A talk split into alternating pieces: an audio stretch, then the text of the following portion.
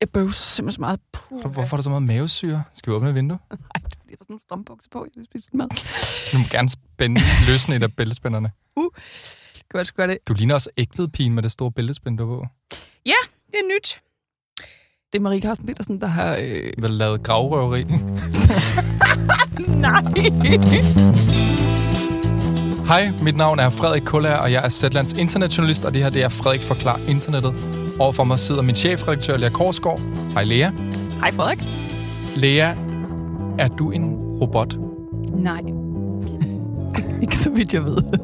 Nej, jeg er ikke en robot. Altså, jeg sidder også overfor dig, jeg kender dig også. Ja. Og jeg ved, du, du ikke er en robot, ikke? Mm-hmm. Men hvis nu vi ikke kendte hinanden, ikke? og vi sad på internettet, hvordan vil du så kunne bevise over for mig, at du ikke er en robot?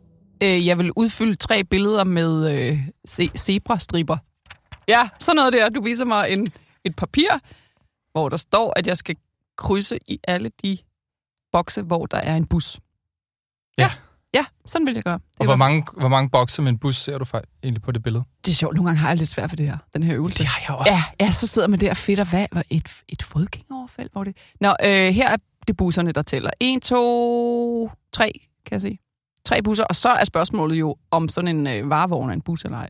Jeg vil sige, der var tre. Det tror jeg også er det rigtige svar. Ja. Altså, den her Mhm. test her, ikke? det er jo den der, er du en robot-testen? Ja. Som vi jo møder, især når vi skal oprette en profil på en hjemmeside, eller logge ind et sted. Jeg opdager det nogle gange, når jeg sidder og googler meget, sådan hektisk, så tror den, jeg er sådan en bot, der går i gang. Det bare mig, der forsøger at grave et eller andet frem. Øh, så skal jeg sidde og udfylde de der, for at komme videre, ikke? Okay. Og som du siger, hvis man fejler, så skal man ligesom gøre det om. Mm. Og det skal du gøre, indtil du ligesom består. Ja.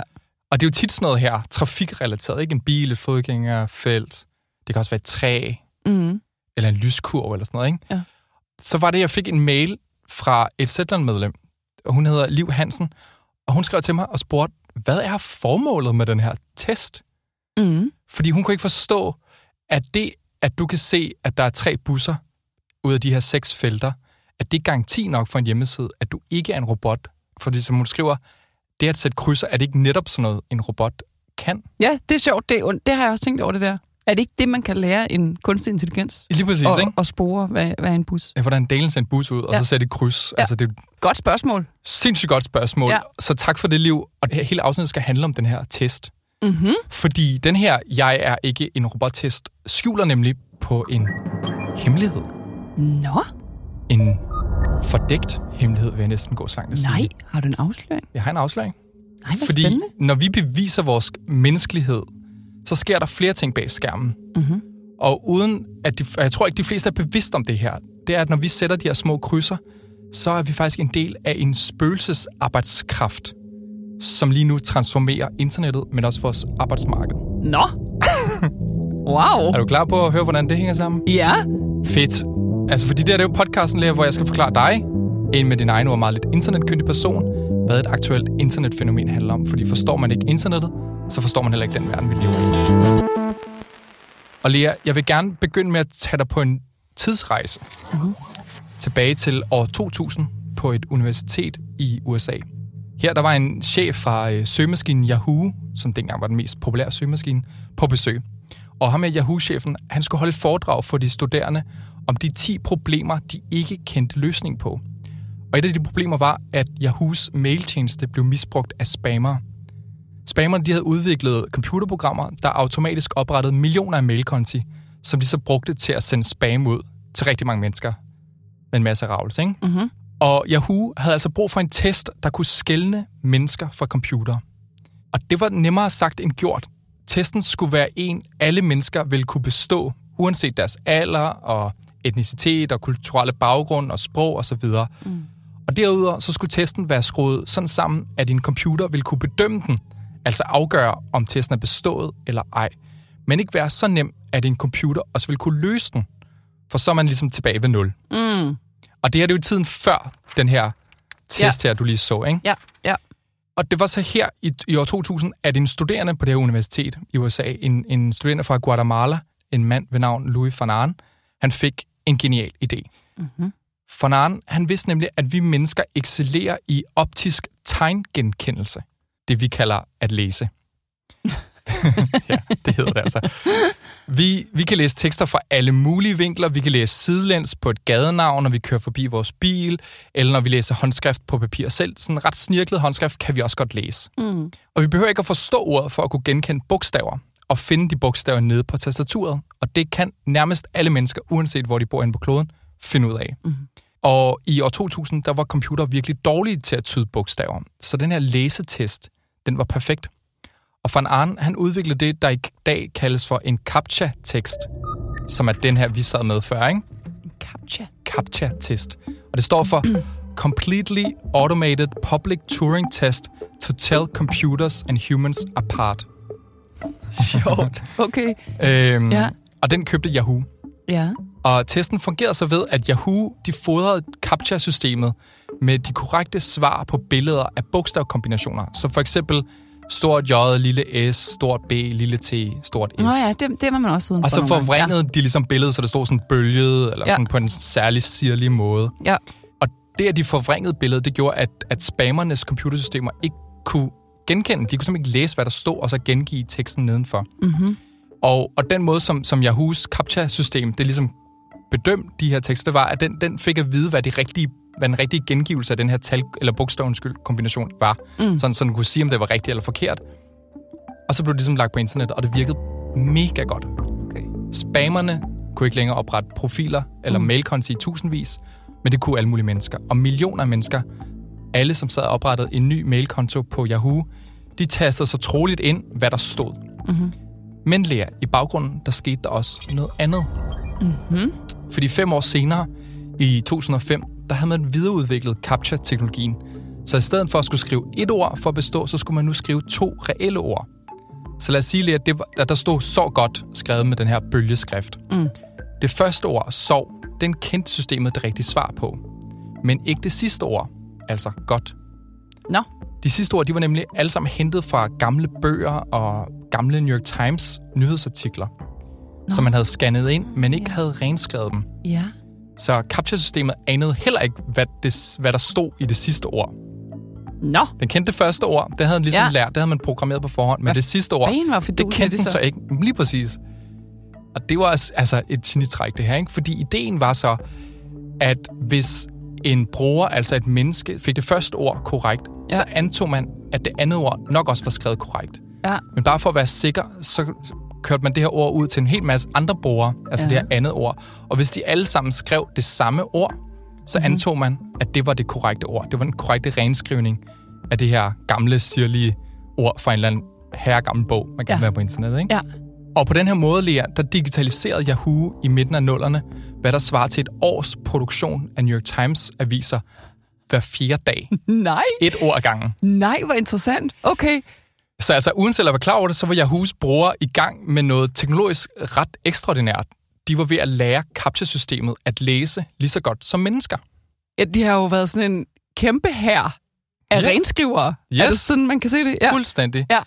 Fordi for hvert ord, de her mennesker, de tydede, der lærte computeren at genkende et nyt ord. Og på fascinerende vis, der blev CAPTCHA-testen også en kilde til netop gratis arbejdskraft Mm. for Yahoos udviklingsafdeling, der slap for at ansætte mennesker til at udføre det her monotone øh, manuelle arbejde, som er at digitalisere millioner af tekster. Så, var, så var det derfor, de gjorde det? Ja. Altså, det var specifikt for at få løst en opgave? Yes. Nå. Yahoo var jo i gang med at indeks, altså gøre internettet så stort som muligt, samle ja. al viden, der er nogensinde skabt i universet. Hvorfor ikke sætte alle vores brugere til at udføre det arbejde helt gratis? Virkelig clever. Smart. Vildt møde, hvor den der idéudvikling er foregået på. Ja, ja. Jeg håber, Skulle vi ikke... ja, Ja, jeg håber, der var kage. ja, ja.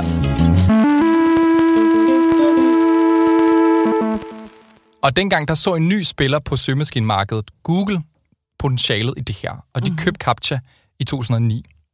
Og Google fortsatte med at fodre CAPTCHA-tekster, som Googles mange millioner brugere flittigt oversat for ikke at blive sorteret fra som en robot. Mm-hmm. Men de her spammer, de var lige hælende, og snart lærte også deres systemer at genkende bogstaver så godt som mennesker. Altså i den her swirly, snørklede bølgeskrift. Ja. Og testen var derfor nødt til at blive sværere. Men det var alligevel først i 2009. Det Ja. overrasker mig. Ja, nogle gange Altså, går det langsommere, ja. lige... De har haft været otte år til at, at aflure snørkleskrift. Lige præcis. Ja. Så Google, de, de skulle så tænke nyt, ikke? Og de kom i tanke om, at de havde jo knipset en hulens masse billeder med deres Street View-projekt, mm-hmm. hvor Googles biler kører rundt på gader og stræder og tager en masse billeder. Og Google var samtidig begyndt at lære biler at blive selvkørende. Det var virkelig the early years, det her, ikke? Wow, hvor er jeg spændt på, hvor de her to ting, hvordan de to ting hænger sammen. Det her det er nemlig historiens hvad, tredje, fjerde genistreg. Ja. Google ændrede selvfølgelig captcha-testen til, at brugerne skulle tyde objekter i gadebilleder. Fordi ved at få deres virkelig mange millioner brugere til at udpege, hvordan en lastbil, et trafiklys eller et fodgængerfelt ser ud i trafikken, så lærte brugerne Googles kunstig intelligens, den der en dag skal køre biler, for os at genkende objekter i den fysiske verden. Hvor vildt. Det vil altså sige, Lea, at når du krydser billeder af med brandhaner eller lastbiler, øh, for ligesom at bevise, at du er et menneske på internettet, så træner du i virkeligheden en selvkørende bil et eller andet sted i Silicon Valley. Den bil skal kunne genkende, hvad er en bus, hvad er et stopskilt, Ja, hvad hvad er, er en cyklist? og, og hvem ellers en mennesker skulle lære den bil det. Vildt! Nej, hvor vildt. Okay. Og vi når også til kernen af den her fortælling her, fordi krasser man... Vi lærer dem faktisk at læse jo. Altså Vi- den evne, vi har vi til lærer at dem, genkende først så lærer vi dem at læse, og Ja. nu lærer vi dem, hvordan vores fysiske verden ser ud. Vildt. Nej, Og hvem bedre end os til at fortælle maskinen det? Og det er ligesom kernen af den her fortælling, fordi så krasser man i den højteknologiske fernis, der er omkring automatisering og kunstig intelligens og robotteknologi, så vil man opdage, at der meget ofte ligger enormt meget manuelt menneskearbejde bag. Mm. Computer fødes ikke intelligente, det er noget, vi træner dem til at blive. Ja. Så når du lærer beviser, at du er et menneske over for Googles capture-system, så lærer du faktisk systemet, hvad det vil sige at være et menneske. Og begå sig som et menneske. Og det samme sker, når en robot øh, erstatter ansatte på en fabrik i dag. Inden da, der har robotten lært af de ansatte, hvordan man gebærder sig ved rullebåndet. Mm. Og det samme sker også, når automatiserede revisionsprogrammer erstatter en hel afdeling på et kontor. Det er gennem manuelt menneskearbejde, at vi forsøger at automatisere computerarbejde. Mm-hmm. Der er et Mm. eller andet sjovt paradoks Ja, et eller andet sjovt. sted derinde, ikke? Ja, ja, der skal tusindvis af, af, af mønstre fra et menneske, øh, eller læring fra et menneske, ind i computeren, før Ja. den, øh, den i virkeligheden jo får samme erfaring. Ja, fordi intelligensen kommer af at se eksempler Ja. i tusind millionvis. Ja. Kun derigennem kan den lære Mm. at begå sig, ikke? Vi kan ikke bare en gang for alle skrive, det her det er en bus. Nej, det skal den have vide, fordi en bus kan se på mange måder. Ja. Vi kan genkende en bus, som vi ser den fra siden, eller sidelæns, eller opfra, eller nedefra, eller måske kun ser hjørner af en bus. Det kan en computer ikke. Nej. Men ved at lære den lige præcis, hvordan ser et hjørne af en bus ud, der kommer rundt om et sving, så vil computeren på et eller andet tidspunkt også lære det. Ha. Og langsomt, men sikkert, der forandrer det her vores arbejdsmarked for alle mennesker. Mm. Enten så er du blevet overflødiggjort af en maskine, eller også så afventer du, at det bliver din tur. Mm-hmm. Groft sagt, ikke? Mm-hmm.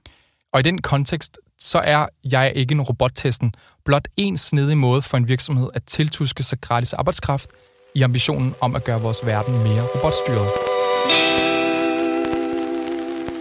Men Lea, hvis man nu ikke er Google, men gerne vil udvikle en eller anden smart AI-powered tjeneste, men ikke har råd til at betale personaleomkostningerne til at få det her manuelle forarbejde lavet, Mhm. hvad gør man så?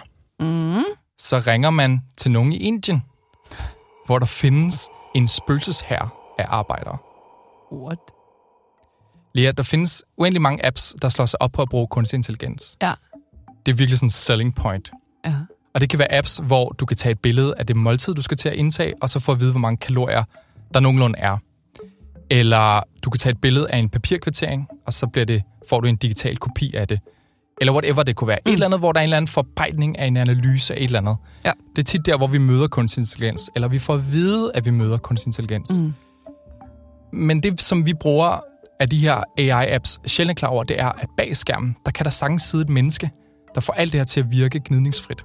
Mm-hmm. Fordi når du tager et billede af dit måltid, så er det ikke sikkert, at virksomhedens kunstig intelligens faktisk kan identificere, hvad der er på billedet. Og så ender billedet på en computerskærm foran en, lad os sige, en inder, der tjener et par øre for at tælle kalorierne. Og det gør ham her inderen hele dagen. Et måltidsbillede øh, af gangen. Måltidsbilledet kommer ind, han tæller kalorierne så godt han nu kan, Ja. får et par håndører, og sådan fortsætter han. Wow. Du ser helt... Øh, Sådan en øh, et data sweatshop. det kan du faktisk godt kalde det. For sådan noget mikroarbejde. Ja. Altså de her mennesker, spøgelsesarbejdere, de er sådan den fuldstændig overset ryggrad i det her boomende marked for smarte AI-tjenester. Og man kalder dem for ghost workers. altså spøgelsesarbejdere. Fordi det er totalt usynligt. Ja. Det slår mig først nu. Jeg har en app, hvor min betalingsapp på, med Zetlands kort, den kan, hvis jeg tager et billede af en 7-Eleven, øh, øh, hvad hedder det, kvittering, Ja. så kan den som regel regne ud, hvad det er, jeg har brugt penge på. Ja. Øh, hvilket jeg helt, jeg bare sådan, hvordan, hvordan kan den vide det? Den kan ligesom selv indeksere den det rigtige sted. Mm. I, og, og, jeg, og jeg spekulerer på, hvor, hvor fanden ved den det fra? Altså, det kan jo være, at den kunstig intelligens kan det selv. Det kan også være, at på et tidspunkt har de benyttet sig af de her ghost workers. Jamen, kan det selv? Der må være et mønster, der ligger forud. Du kan prøve at ringe til dem, og Og høre, om der sidder en Ja. ældre og tjekker Nogen- mine kvitteringer. yes. Vildt! Altså, fordi det, de, de, jeg har nemlig forsøgt at få nogle af de her danske apps-byggere til at fortælle lidt om, om de bruger spøgelsesarbejdere, og det Mhm. er ikke noget, det vi taler om. Mm, klart. Også fordi nogle gange kan det være en del af en udviklingsproces, og så stopper Mm. man med at bruge dem, indtil den kunstige intelligens kan køre sig selv. Nogle benytter det videre. Så der sidder nogen nede i Indien og tjøner bare billede efter billede, information ja. efter information igennem, og manuelt. Ja, så det arbejde, vi sidder og laver, når du skal logge ind på Google, det er det, de sidder og laver. Ja. Krydser af, hvor der er en bus, krydser af, hun har spist en avocado, hun har spist, hun købte en milkshake, Ja. ja. det ryger over i det her budget, og så videre, og så videre. Det kan Okay. også være, at du bestiller noget mad på en takeaway-app, og så har du uploadet dit billede som en form for ID, Mm-hmm. og så kan det godt være, at, at, at den kunstig intelligens ikke kan forstå, at du ikke ligner den person, du er på dit billede, Mm-hmm. og så bryder det over til en, en ghost worker, som så med menneskeøjne godt kan sige, okay, du er faktisk det her menneske, du har bare lige fået en ny frisyr. Og- så når den Og den go- ghost workers arbejde bliver så udfaset, når han eller hun har indtastet i virkeligheden givet nok mønstre til computeren. Ja. Nu er dit arbejde overflødigt, en- fordi nu, nu, nu, kan vi, nu kender computeren det mønster. Ja, det er en blind vej, kan man Mhm. sige, Ja. gå ned af. Ja. Ej, hvor vildt. Altså, vi kender ikke antallet af ghost workers på verdensplan. Nej. Men det, men det er mange mennesker. Det er flere, end vi nok regner med. Okay. Der har været sådan nogle optællinger, hvor folk har sagt, at det er bare også toppen af isbjerget. Amerikanske Amazon er en af de største, hvis ikke den største udbyder af spøgelsesarbejde med deres platform Mechanical Turk, som forbinder ghost workers fra hele verden med virksomheder, der har brug for menneskelig intelligens. Og platformens navn, det her Mechanical Turk, Ja. det er også lidt af en genistreg, men en ironisk en måske. Mhm. Mm-hmm.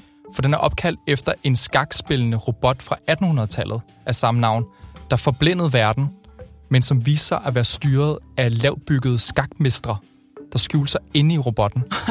Så man der var en eller anden mand, der turnerede rundt i Europa med den her maskine robot-ting, der kunne spille skak. Ja. Og så inde i den, der sad der simpelthen meget, jeg ved ikke, om det er sådan skak, altså dvæve, eller hvad det kunne være, der, der kunne spille skak, som simpelthen skjulte sig inde i maskinen. Det var en kæmpe fadese.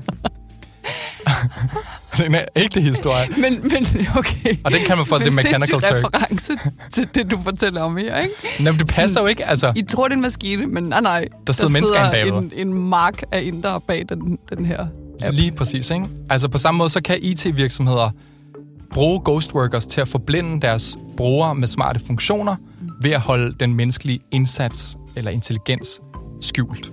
Spændende.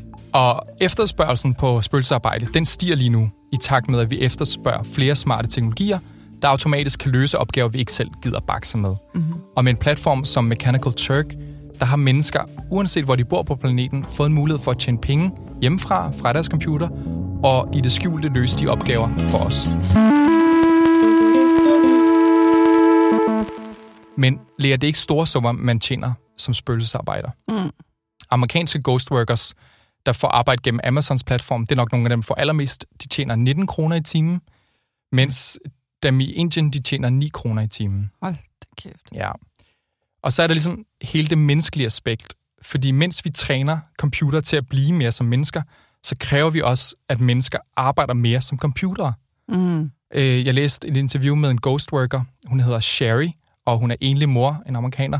Enlig mor til tre børn, som fortæller, at hun føler sig som et lille tandhjul, fordi hun sidder derhjemme og løser den her endeløse række af småopgaver, der en dag skal løses af en kunstig intelligens. Mm.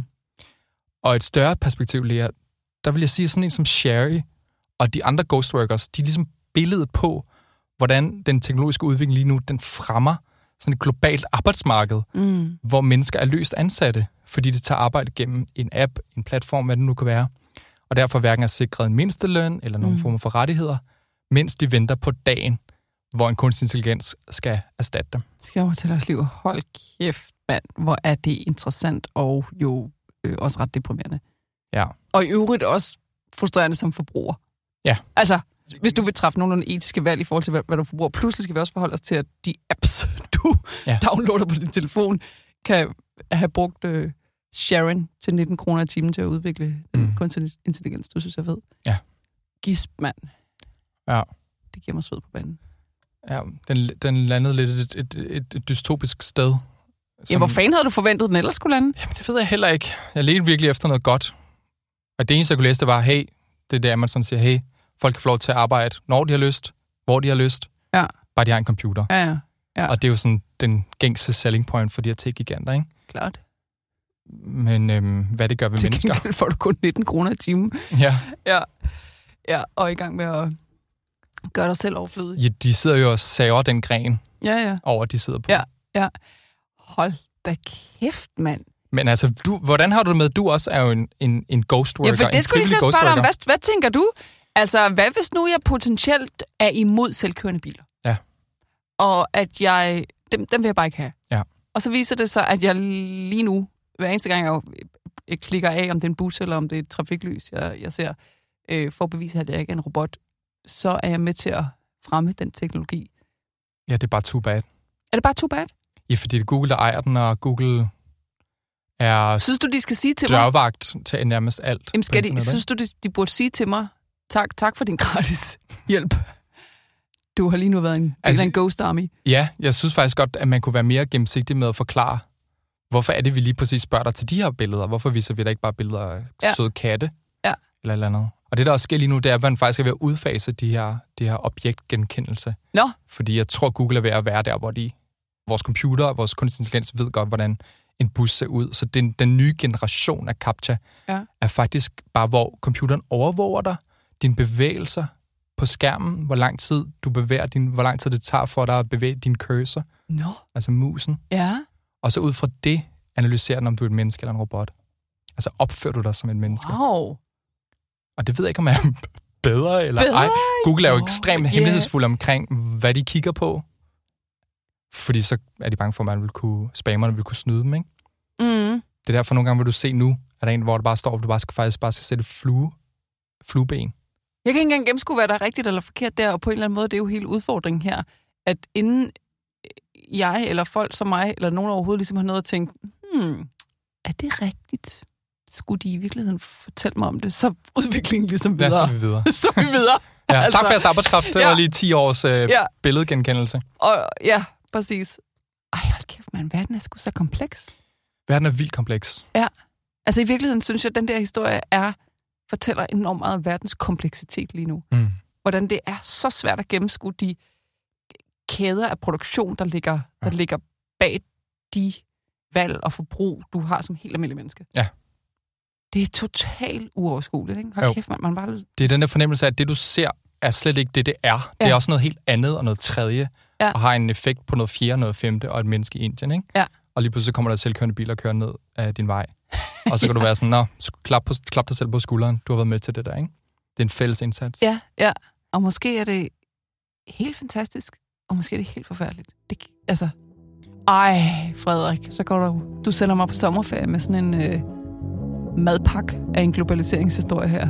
Ja, for nu er du bare en robot Ja, på internettet. ja. Ja, det var jeg jo så i forvejen. Ja. Så svaret på dit indledende spørgsmål var, ja, jeg er faktisk en robot. Det her, det var det sidste afsnit Ja, af Frederik Forklarer. Internet en sommerferie. måske skal vi have mere håb ind i næste sæson. Skal jeg lige evaluere sæsonen? Ja. Jeg synes, det var en super god sæson. Og til den, til den mørke, dystopiske side, men også til den super fascinerende side. Her, der var det i dag også fascinerende, men faktisk mest sådan dystopisk, synes jeg. De to ting har det jo lidt med at gå i hånd og hånd på internettet. Ja, det er selvfølgelig rigtigt. Det gjorde mig klogere. Det er godt. Så vil jeg gerne sige tak til dig, der har lyttet med på det her sidste afsnit af den her jeg, er sæson. jeg er ved at besvime af varme. Må jeg lige gøre den her sætning Ja, færdig? ja. Så vil jeg gerne sige tak til dig, der har lyttet med på det her sidste afsnit af den her sæson af Frederik Forklar Internettet. Vi går på sommerferie. Det er Ida Skovsgaard, der har mixet musikken, som I hører. Det er Niels Mette Lundsgaard, der har klippet og produceret den, og min redaktør er Mads Olrik. Og hvis der er noget, du gerne vil have, jeg skal forklare Lea i næste sæson, så skal du skrive til mig på frederik Og der må gerne være noget med noget håb i. Ja, vi har brug for det.